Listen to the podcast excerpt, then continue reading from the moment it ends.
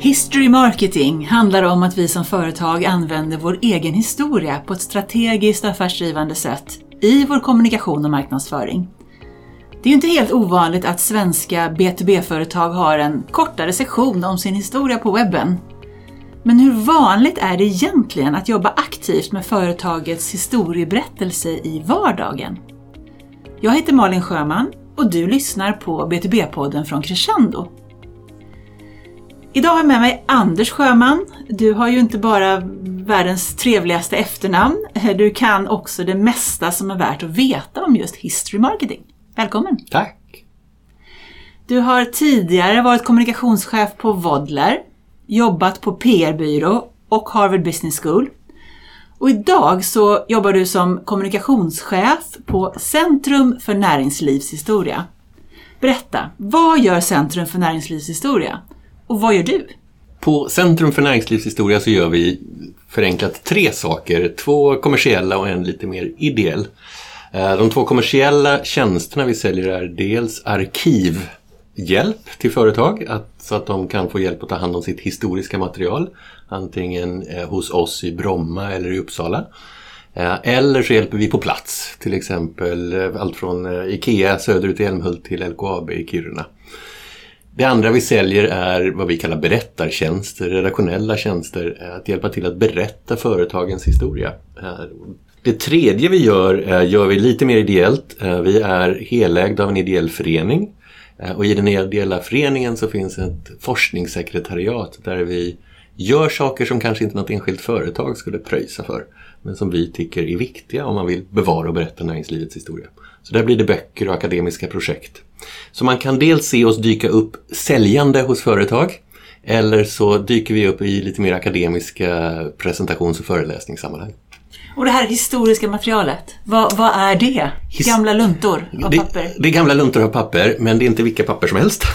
Eh, vi tycker om att spara allt som visar vad en verksamhet har gjort, hur de kom fram till det de skulle göra och hur de sedan genomförde och kommunicerade det. I praktiken så blir det mycket protokoll från styrelser och ledningsgrupper, det blir mycket projektplaner, det blir mycket intern kommunikation, personaltidningar och intranät. Det blir mycket extern kommunikation, partner Eh, kommunikation eh, tryckt eller nu för tiden online. Eh, det blir mycket foton blir det såklart. Mm. Mycket bilder från en verksamhet. Så allt sånt som, en, som vi alla när vi jobbar på företag blir över någonstans när vi, skap, mm. när vi skapar och driver mm. vår verksamhet. Spännande. Det fick vi. Och vad gör du? Så jag, vad är din roll på Centrum för näringslivshistoria? Jag är, eh, har två hattar egentligen. Den ena är kommunikationschef och ser till att få fler företag intresserade av att faktiskt bevara sin historia. Eh, för de måste ju lägga budget och resurser på det. Sen använda den. Eh, och det andra jag gör är att leda vår uppdrags och konsultgrupp. Eh, där vi är ute och hjälper till hos företagen, de som ändå har bestämt sig för att det här behöver vi spara. Och gör history marketing. Och gör history marketing åt dem. Så innan vi, innan vi ruschar vidare, vad, vad, är history marketing för dig? Om du kort kan berätta vad det handlar om och vad, vad är värdet med att jobba med sin historia i marknadsföringen? Eh, värdet, det finns ett generellt värde eh, bara av att veta var vi kommer ifrån. Eh, bara av att veta vad vi har gjort förut och hur hamnade vi här, då blir det lättare att ta ut riktningen framöver. Men det är ett sånt där abstrakt värde, det är svårt att sätta pengar på. Så att i, när vi pratar med företag så är ju värdet av din historia eh, är att den hjälper dig dels att bevisa det du, det är din bevisföring för det du lovar idag. Det är din kraft framåt. Ehm, så att mycket av historia kanske man tänker handlar om det som har varit lite anekdotiskt och lite nostalgiskt. Mm. Ja men det är lätt att se framför sig några gamla gubbar som sitter på en bänk och pratar om hur det var förr i tiden. Precis. Och allt var bättre förr mm. kanske. Och de gubbarna ska vi värna och vårda men vi ska mm. få dem att prata om saker från förr som har relevans för oss idag. Uh, idag brottas vi alla med digitaliseringens effekter. Man hittar gubbarna som var med när vi ställde om från, uh, från olika saker av mekanisering till industrialisering som var med de första automatiseringsvänderna. Får de att berätta sina war stories från den tiden. Mm. Deras lösningar kommer inte lösa digitaliseringsutmaningarna vi har. Men de ger oss lite energi och kraft för, för det vi står inför idag. Så det är lite värdet av att jobba med sin historia. Om du skulle definiera history marketing. Vi pratar ju oftast content marketing och redaktionell marknadsföring. Men vad är, vad är history marketing i relation till det? History marketing brukar vi definiera som att, att det är när en, en företag eller verksamhet eh, aktivt har valt att jobba med sin bekräftade historia. Så det är inget hitta på? Utan, nej. nej. I syfte att bygga sitt varumärke eller sin organisation. Mm. Så det är vår interna definition av det där som, för oss att, som en ledstång att hålla oss i. Så det blir både varumärket med lika mycket kultur en kulturbärare? En kulturbärare, ja. Sen finns det en moment där man kan använda sin historia också rent, rent skyddsmässigt. Vi har ganska mycket jurister som hör av oss eh, för intellectual property och varumärkesfrågor och kan vi hitta saker i arkivet. Men det är en sån väldigt taktisk sida av historiebruket. Eh, men, men det är några nyckelord i det jag just sa. Det ena är att det ska aktivt användas. Det är inte bara en slentriangrej. Vi råkar fylla år. Mm. Eller vi har någon VD som går i pension efter lång tid. Vi måste hålla tal till honom. Kan någon leta upp något? Utan det här är ett aktivt val man har gjort att historien bygger värde för oss. Eh, och det andra är, är menar, att det är bekräftat. Det är inget hittepå. Man behöver inte hitta på men oftast blir det lätt att man bara traderar vidare någonting som någon annan sagt. Och efter ett tag är det så förvanskat att det inte längre stämmer. Så det är bättre att berätta det som verkligen hände. Annars kommer andra att slå ner på det ändå. Men jag tänker, vi har pratat i, i, tidigare inslag här i podden faktiskt en hel del om det här med transparens och att transparenserna ökar och det är, det är mycket svårare idag att både att sopa saker under mattan och att fabricera sin berättelse. Ja. Och det är egentligen samma sak som du säger nu att det, det måste det, vara den riktiga historien. Det är den riktiga, riktiga bekräftade sanna historien och sen så finns det ju den andra fallgropen man kan falla i när man ska berätta sin historia, vilket är att man bara plockar ut russinen ur kakan. Man skulle ju säga det. Ja. Hur, hur, hur, hanterar man det? Alla, alla företag har ju inte en rosenröd bakgrund. Nej. Eh, och ska man berätta sin historia på ett trovärdigt sätt så att folk ska tro framgångarna, då får du nog väva med de gångerna det inte gick så bra. Mm. De gångerna firman körde i diket av olika skäl. Eller man gjorde bort sig. Eh, och ett typexempel för, för oss är väl, eh, vi gjorde LKABs 125-årsbok för några år sedan. Ehm, och i, i, den så är det ju hela Sveriges utveckling under 125 år som pågår i fonden. Uh, och allting är inte så kul som att prata om, om järnvägar och bruk och allt, mm. allt nytta som Malmen har gjort för Sverige. Det finns även all, tidigt 20-tal lite VD på LKAB som är lite för glada i att mäta lappskallar. Mm. De var knutna till Rasbiologiska institutet. Mm. Och hade man inte haft med den berättelsen i, i boken så hade ju ingen trott på övrigt. Nej, det blir för glättigt helt för, enkelt. Blir glättigt, ja. Då tror man alla att allting är tillrättalagt. Men fick vi med den och allting annat så, så blir ju helheten trovärdig. Vad skulle du säga vad, vad, vad är grundstenarna i ett bra history marketing-arbete då? Lite det här att man är, inte hittar på, att man vågar vara transparent även när det inte har inte gått riktigt så bra som man skulle kunna önska. Finns det fler saker som är viktiga att ha med sig om man nu vill jobba med history marketing på ett bra sätt? Det mest taktiska operativa rådet är ju egentligen samma som med all marknadsföring. Kom ihåg vem du pratar till och varför. Så att på det sättet så är history marketing är ju syskon med content marketing. Det hör hemma i samma sfär. Uh, vi, vi berättar ju historier från förr i syfte att påverka någon idag. Uh, när vi pratar om den här väldigt strategiska typen av historiebruk. Så då handlar det bara om att ha koll på sina målgrupper, ha koll på sina historier. hitta svaret på det där, vem pratar vi till och varför. Mm. Vi tycker om att försöka sätta vad vi kallar lite pretentiöst för en portalmening. Mm. Och vad är en portalmening? Historien om företaget X är egentligen historien om. Och så avslutar man meningen tillsammans med företaget i fråga. Men som exempel, vad är, vad är historien om LKAB egentligen historien om? Den gjorde vi aldrig. Så, portalmening? Ja, nej. Men för Claes Olsson, den kan ja, jag ta. Ja, ja. Så historien om Claes Olsson skulle ganska lätt kunna göras till historien om gubben Claes själv. Eller historien om postordercentralen i Insjön. Eller historien om hur alla gubbar har fått sitt eget dagis att hänga på på dagarna när fruarna shoppar. Ja, en jäkla massa prylar. Ja. Men när vi satt med, med Clas Olsson inför deras 100-årsjubileum och pratade om det här, vad ska vi ha som bärande röd tråd i er historieskrivning, så, så tittade vi på hur de jobbar idag och vad de brottas med idag. Och de själva pratar mycket om att försöka hitta vad skulle Clas ha gjort idag? Mm inför den omställning i digitalisering och e-handel och butiksstöd som de står inför. Eh, och då kom vi, letade vi tillsammans eh, i, i Clas Ohlsons arkiv och vi hittade brev från Clas Ohlson själv där han tidigt brukar prata om hur han åkte till Stockholm, Göteborg, Malmö, Västerås, storstäderna. Hittade alla de här häftiga butikerna där man kunde köpa schyssta prylar som kunde mm. hjälpa till i vardagslivet. Eh, och så kom han hem till Insjön och sa att vi, även vi i Insjön och vi på landsbygden, vi borde Också ha schyssta prylar. Också, ja. också ha schyssta prylar. Ja. Mm. Vad kan jag göra? Ja, men jag kan starta en postordercentral. Eh, och skicka ut kataloger så kan folk beställa och få hemskickat. Mm. Ur det föddes portalmeningens slut, vilket mm. är att historien om Clas Ohlson är egentligen historien om hur vi hjälper folk att lösa sina vardagsproblem. Mm. Då får du in storyn om Clas själv, du får in storyn om, eh, om alla prylar som mm. har passerat, du får in storyn om, om hur de har gått från postordercentral till att öppna butiker på 1990-talet över hela Sverige till idag när de var tvungna att lägga ner mycket butiker och styra om butikerna och flytta ut på mm. e-handel. Men det ger även en förklaring till varför de har köpt in sig i Mathem. Och det är ju faktiskt en, en väldigt, det, ju, det, finns ju en vision i det också. Det är inte bara fakta om, om vad man har gjort utan det är en tydlig riktning i den, i den portalmeningen.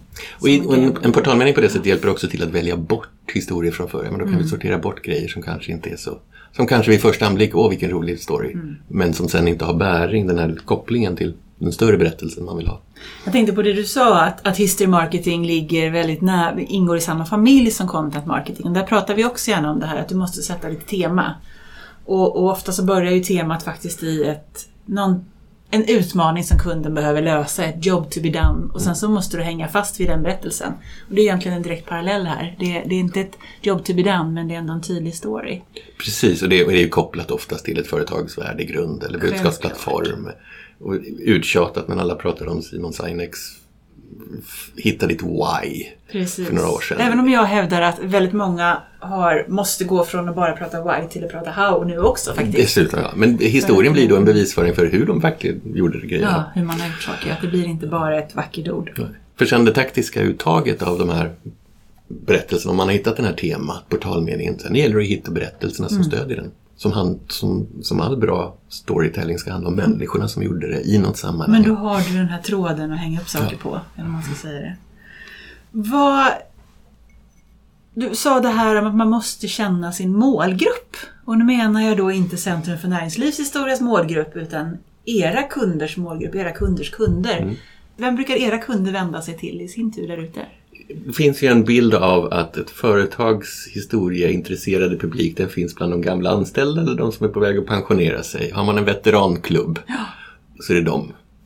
Eh, men vi tror ju, eller vi, inte bara tror, vi vet tycker vi att historien hjälper till att bygga intresse även hos dina partners idag. Historien hjälper till att bygga intresse hos de som kanske vill jobba hos dig. Mm. Varför ska de, vad är det för bygge de söker jobb hos? De vill veta. Och då är historien bästa beskrivningen av det. Så att vi tror, det finns många andra målgrupper, men vi måste ju ofta övertyga företagen om detta. Så att de själva liksom slutar tänka gubbarna och gummorna i veteranklubben. Och vänder sig till dagens målgrupper. För i slutändan... Är, är det en utmaning? Det är en utmaning. Att få, mm. att få era kunder mm. att riktigt ställa om det där, eller bredda mm. skopet för sin kommunikation. Ja. Mm. Och att de ska komma ihåg att när, för det i slutändan landar vi ändå oftast i att det är samma målgrupper som de vänder sin vanliga kommunikation till. Mm. Bara det att vi kan dessutom stärka upp den med historieberättelser till samma målgrupper. Så i slutändan vill vi egentligen säga att history marketing, använd historien på samma sätt som ni använder all kommunikation. Se till att den fållas in där. Då kommer ni få en trovärdighet. Eh, för det roliga med historien när man gör det är att historien är lite olydig.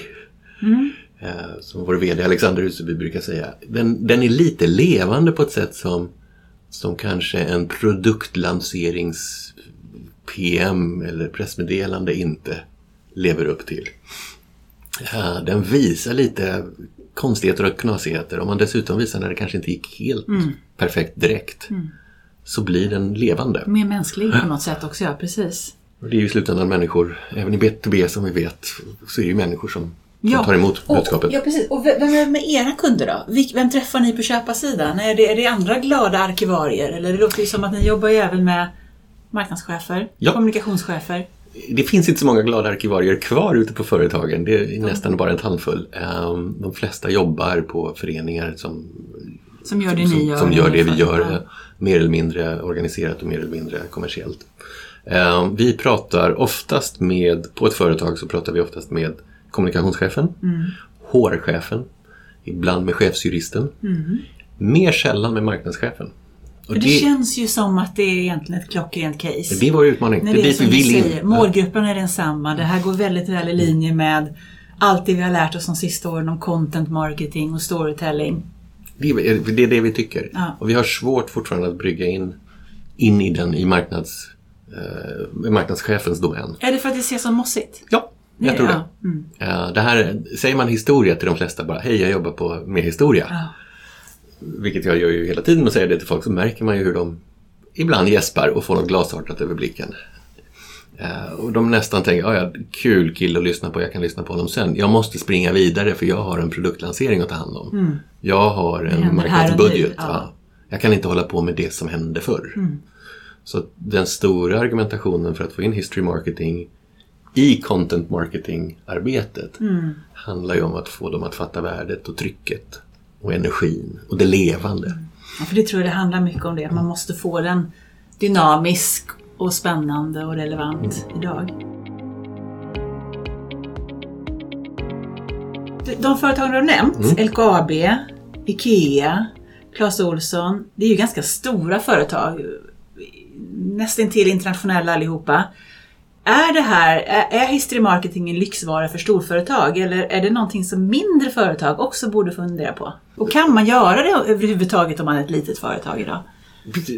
Egentligen tycker vi det är självklart alla företag borde tänka på detta. Ja. Det är grundsvaret. Hur tänker de? Men hur tänker de? Eh, Det är lättare att tänka på det här, att använda sin historia, dels om man har lite ålder i sig. Eh, Dels om man har lite st- storlek i sig. Detta sagt så är vi ju jätteglada att vi, vi ofta får hjälpa mindre företag. Skeppshultscykeln, två bröder som äger den i, i Småland och med 30 anställda, råkar sitta på en lång historia, eller råkar, de har en lång historia, eh, men inte jättemycket pengar att lägga på sin marknadsföring. Där hittar vi ändå former för att hjälpa dem. För de tyckte det var en styrka i deras varumärke att de har funnits så länge. Små företag som kanske inte har funnits så länge eh, är den stora utmaningen.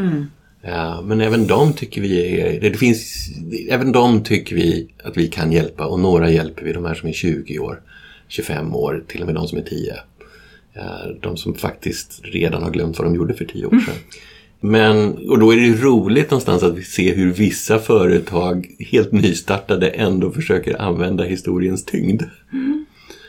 Alla små startups med sina pitch decks där de säger vi är fyra grundare och tillsammans har vi 40 års erfarenhet av. Nej, den har vi kört också. Den kör man ofta, men då är det, så, de ser ju ett värde i att det finns en erfarenhet. Ehm, Men det är ju kul att se att det, har, det är ju inget nytt det de gör, dagens startups. För till och med Volvo när de var helt nystartade gjorde detta. Alltså 1931 har vi hittat annonser i Svenskan för Volvo där de säger hej kom och Hur köp. gamla var Volvo då? 31? Då är de 10-15 år. Ja, så de, de är en startup? De är en startup fortfarande. Kanske närmat sig scale-up eller vad vi kallar det nu för tiden. Och de säger själva att vi anlitar leverantörer som har långa anor. Så vi jobbar med Olofströms bruk, vet ni. Det är en industri med gamla anor. Och bara för att de levererar till oss, därför kan ni lita på oss. Så att alla söker ju historiens tyngd. Men jag tänker, samtidigt så finns det ju mycket det här med att man ska vara disruptiv och man ska tänka nytt. Och Spotify, eh, Klarna, Voi, alla de här nya Dice, Mojang, Embracer. Ja, fortsätt. Ja. Tänk, hur tänker de? Alltså har de förstått det här värdet av sin historia eller de tutar och kör och så kommer det i nästa steg kanske? Det är en ytterligare utmaning för oss att få, få kontakt. Några av dem Då har pratar du vi inte med. riktiga startups längre. De är ju verkligen i scale-up-fasen eller vissa De är- etablerade företag. De flesta av dem vi nämnde är 20 plus Ja. vid det här laget redan. Vi är oroliga för att de inte sparar sin Mm. historia. Och det är så lätt nu med en knapptryckning att bara wipa det som har hänt också. För i vår- värld så är det ju eh, paradoxalt nog så att det borde vara lättare nu när vi alla är digitala och Mm. att personaltidningar har blivit intranät och eh, dokumenten finns födda digitalt. lättare att Det borde vara också lättare. lättare att göra sig av med det tror jag. Och i en analog värld blev grejer över, i en digital värld blir de inte det. Mm. De raderas. Eh, Så vi är rädda att de här 20-åriga f- f- bolagen som är födda digitala tror att bara för att de har sina grejer på en server på AVS eller på Dropbox att det är lagrat och det är sparat. Mm. För vi har ju ett arkiv, de råkar kalla det arkiv. Och sen kommer någon på IT-avdelningen och tycker det där är lite mycket där vi borde spara. dyrt, ja, det blir för måste dyrt. vi rensa, det här var gammalt. Vi Och så försvinner det. de första skisserna och på vad det nu kan vara. Jag tänker på om vi pratar skillnaden då lite mellan de som är lite etablerade sedan lite längre och de som då etablerade, som vi, lätt att tänka på som nystartade, men som du säger, de är ju faktiskt 20 år de här också. Ser ni en skillnad på business to business-företag, nu när vi är här i BTB-podden, och konsumentföretag? Vårdar man sin historia på samma sätt och ser man värdet av att jobba med den på samma sätt, eller ser du en skillnad? Inte en jätteskillnad, men, men du ser den faktiskt i B2B-företagens fördel något vad gäller att använda historien. De ser värdet av att bygga, bygga relationer.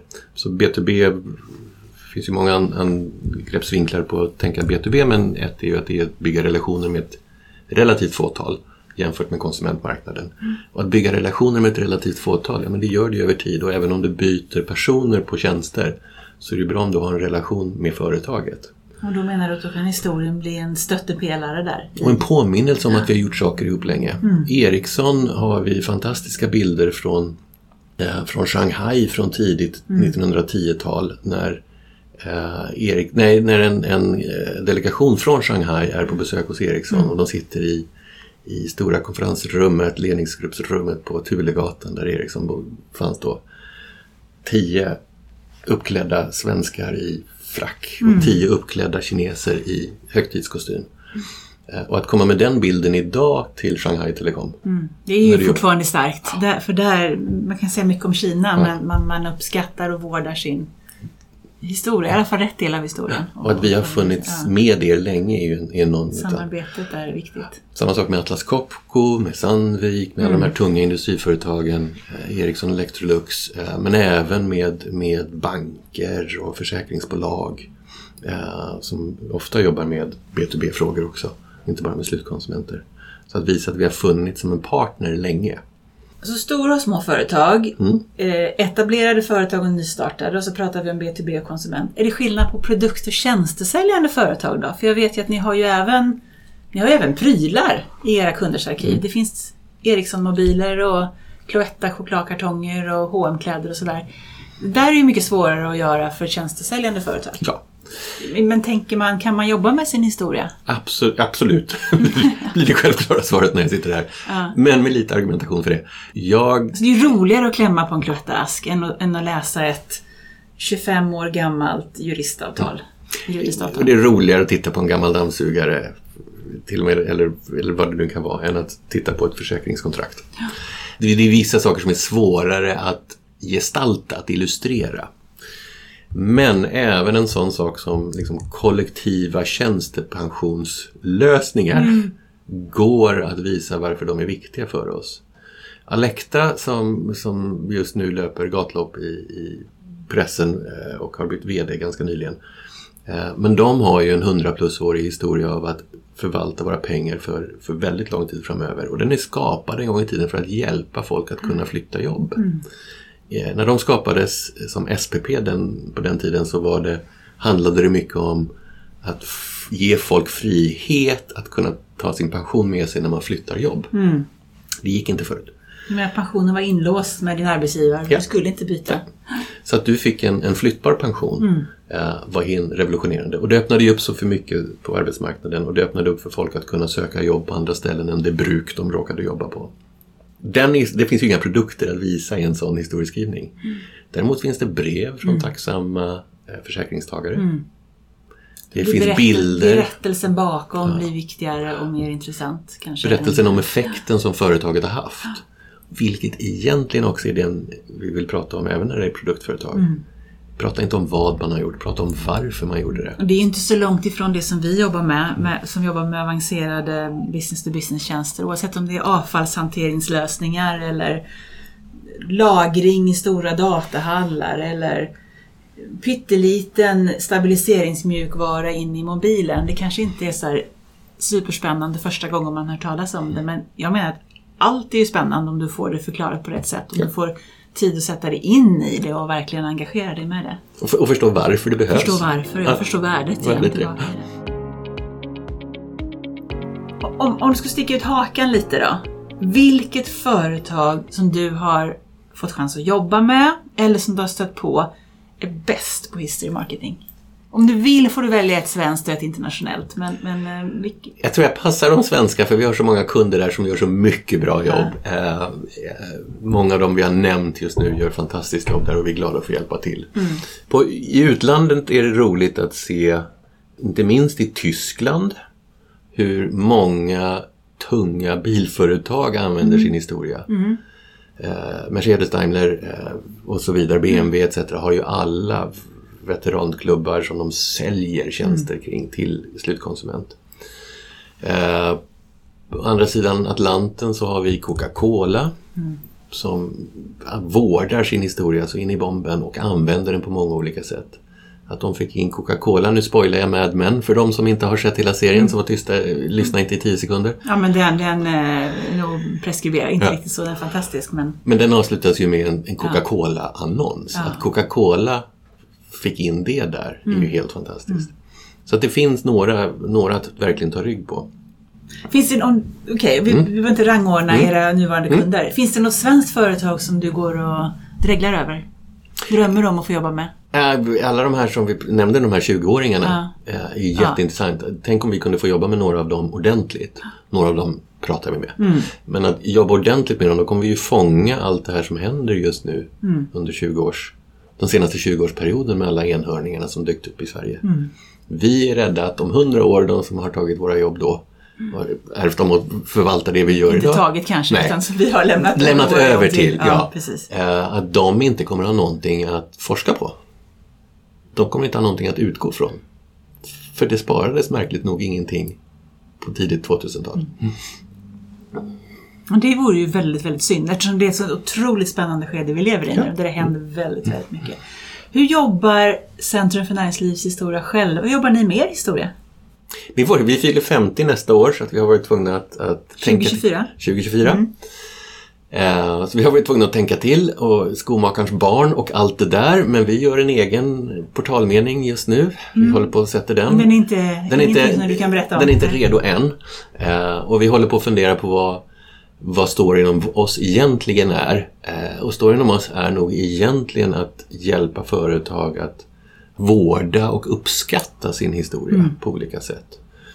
Och, där Mm. Och du, kanske kommersialisera på den? och kommersialisera på den. Men inte bara kommersialisera utan även det här liksom att man ser sin plats i den större samhällsbeskrivningen. Det handlar lite nästan om kulturhistoria när vi funderar kring vår egen historia.